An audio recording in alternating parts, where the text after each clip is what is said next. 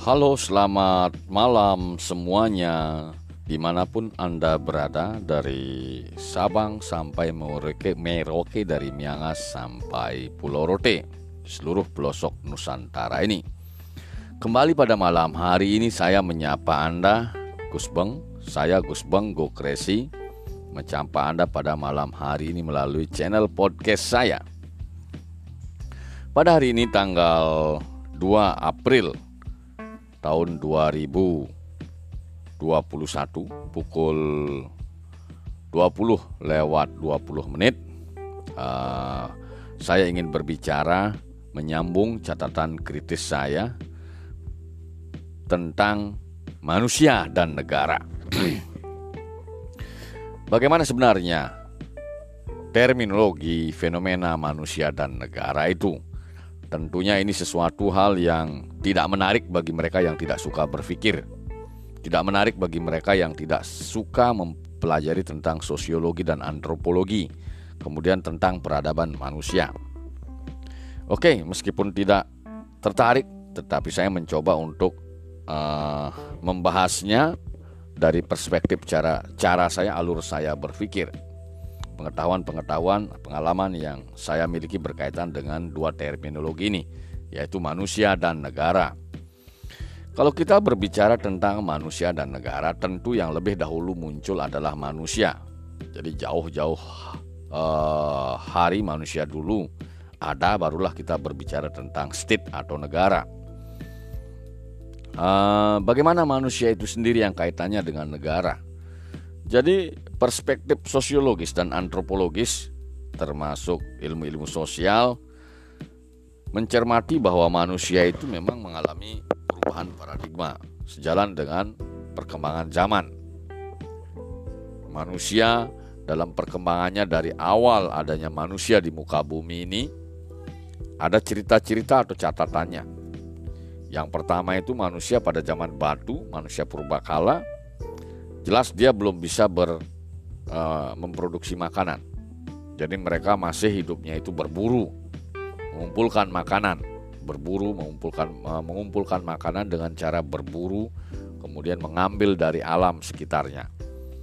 Era manusia pada zaman purba ini dinamakan sebagai dengan kultur mereka yang belum bisa memproduksi, membuat apa namanya bercocok tanam dan lain sebagainya belum bisa. Mereka dikatakan pada masa itu hidupnya itu sebagai sebagai masyarakat nomaden, nomad. Berpindah dari satu tempat ke tempat lain untuk berburu dan mencari makanan, mengumpulkan makanan dari alam. Nah, kemudian dalam perjalanan itu tentunya antara satu kelompok manusia dengan kelompok manusia yang lain mereka jelas uh, bersaing untuk memperoleh makanan. Bahkan persaingan itu kerap menimbulkan peperangan antar kelompok masyarakat, kelompok manusia, antar kelompok suku. Nah, itu terjadi uh, hampir di semua belahan benua di dunia ini pada masa nomad atau nomaden itu. Nah, kemudian seiring dengan waktu berjalan, manusia mulai mengenal yang namanya bercocok tanam. Manusia mulai mengenal namanya aksara atau huruf sehingga manusia bisa mengolah tanah, manusia bisa bercocok tanam, kemudian dia bisa menghasilkan makanan melalui uh, kegiatan pertanian yang namanya sekarang pertanian.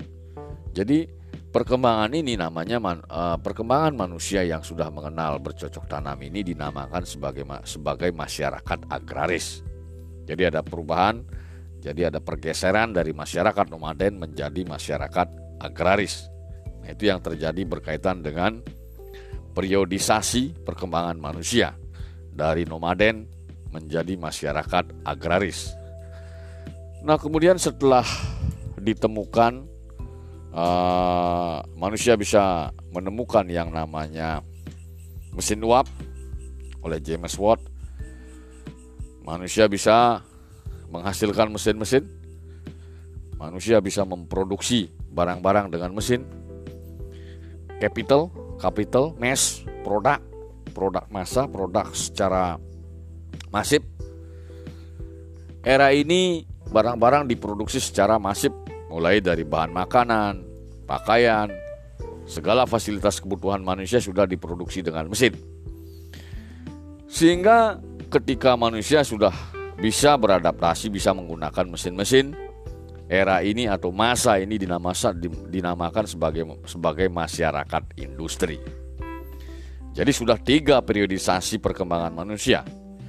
Pertama masyarakat nomaden, kemudian masyarakat agraris, dan yang ketiga adalah masyarakat industri. Uh, di kisaran abad ke-19, awal abad uh, di kisaran abad 1920, setelah ditemukannya chip prosesor, manusia mulai mengenal yang namanya komputer.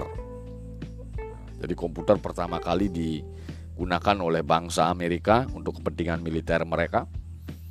Nah, kemudian terjadi perkembangan manusia mengal manusia mampu melakukan pengembangan uh, teknologi informasi itu sehingga komputer dengan berbagai variannya PC kemudian Android dan lain sebagainya manusia tanpa uh, secara uh, disadari manusia sudah beralih dari tidak sekedar masyarakat industri kemudian dia menjadi masyarakat informasi.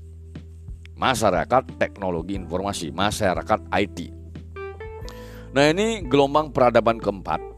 Yang saya katakan sebagai gelombang peradaban keempat di mana pada era informasi sebagai masyarakat informasi masyarakat IT itu terjadi apa namanya sirkulasi informasi yang begitu cepat hitungan detik dan bisa bahasa yang di dalam masyarakat informasi ada istilah viral kemudian ada istilah eh, apa namanya eh, hacker.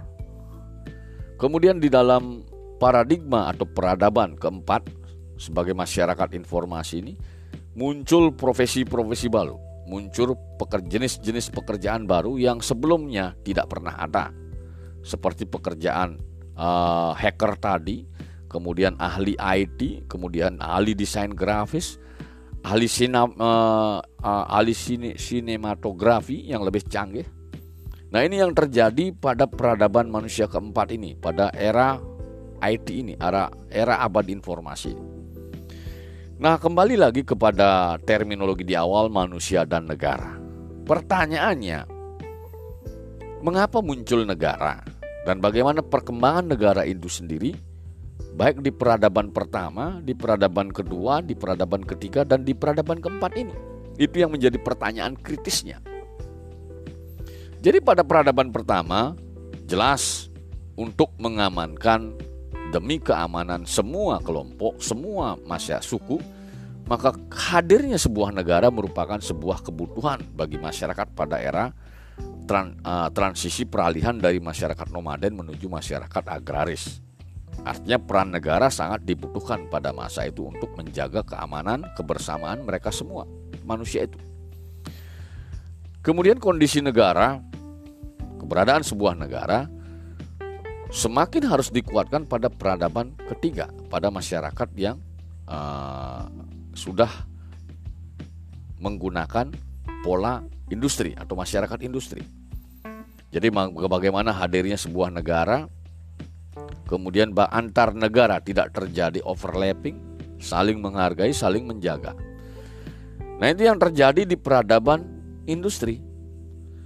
Kemudian yang menjadi pertanyaan besar dan kita berada pada masa ini, bagaimana keberadaan negara pada masyarakat IT ini? Bagaimana kacamata para elit di setiap negara berkaitan dengan keberadaan sebuah negara? Ba baik itu elit government atau pemerintah maupun elit bisnis.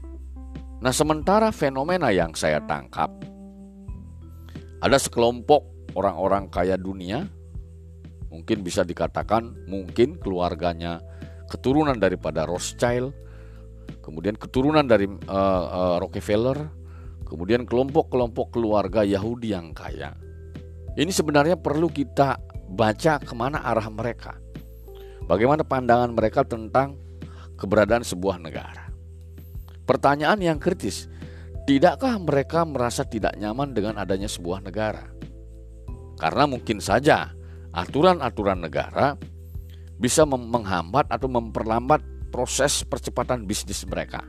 Keluarga-keluarga Yahudi kaya dunia ini atau mungkin keluarga-keluarga kelompok globalis dunia ini. Yang paling pas saya katakan mungkin kelompok globalis dunia. Bagaimana mereka melihat sebuah negara?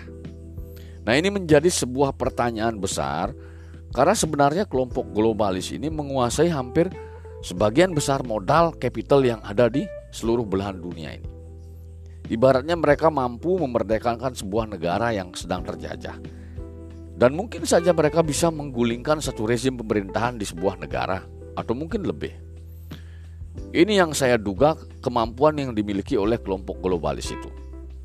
Nah, lalu bagaimana kita sebagai masyarakat biasa, masyarakat atau manusia yang ada di negara-negara dunia ketiga utamanya ber, melihat memandang keinginan daripada kelompok-kelompok globalis ini. Ini menjadi pertanyaan besar. Jangan sampai uh, eksistensi sebuah negara bangsa terancam atau mungkin dinihilkan oleh akibat mungkin dari keinginan-keinginan para globalis itu. Nah, fenomena yang kita cermati bersama Bagaimana beberapa negara sudah kita lihat misalnya Thailand sedang terjadi kisruh, kemudian Myanmar, kemudian eh, negara-negara uh, di Asia Timur perbatasan dengan Eropa Eropa Timur. Bagaimana keadaan mereka beberapa dua dasar warsa atau dua dekade terakhir ini? Ada bahkan yang porak-poranda uh, terpecah belah menjadi negara-negara kecil. Nah, tidakkah atau mungkin saja kondisi ini tidak terlihat oleh kita yang mungkin saja ini merupakan permainan para elit globalis dunia. Nah, itu yang perlu kita cermati uh, ketika kita berbicara tentang manusia dan negara pada era peradaban keempat manusia ini, pada era uh, informasi komunikasi ini. Mudah-mudahan kita semua uh, mawas diri kemudian kita mampu mencermati sehingga kita memiliki sikap uh, dalam rangka upaya menguatkan negara bangsa di masing-masing negara kita. Nah, mungkin itu hal yang bisa saya sampaikan pada channel podcast saya malam hari ini. Apabila dalam penyampaian saya tadi ada yang kurang berkenan, saya mohon maaf. Saya tutup dengan menyampaikan Santi. Om Santi Santi Santi Om. Assalamualaikum warahmatullahi wabarakatuh. Salam sejahtera untuk kita semua. Salam. Uh, selamat malam. Salam uh, Indonesia kuat dari Jembrana Bali. Terima kasih.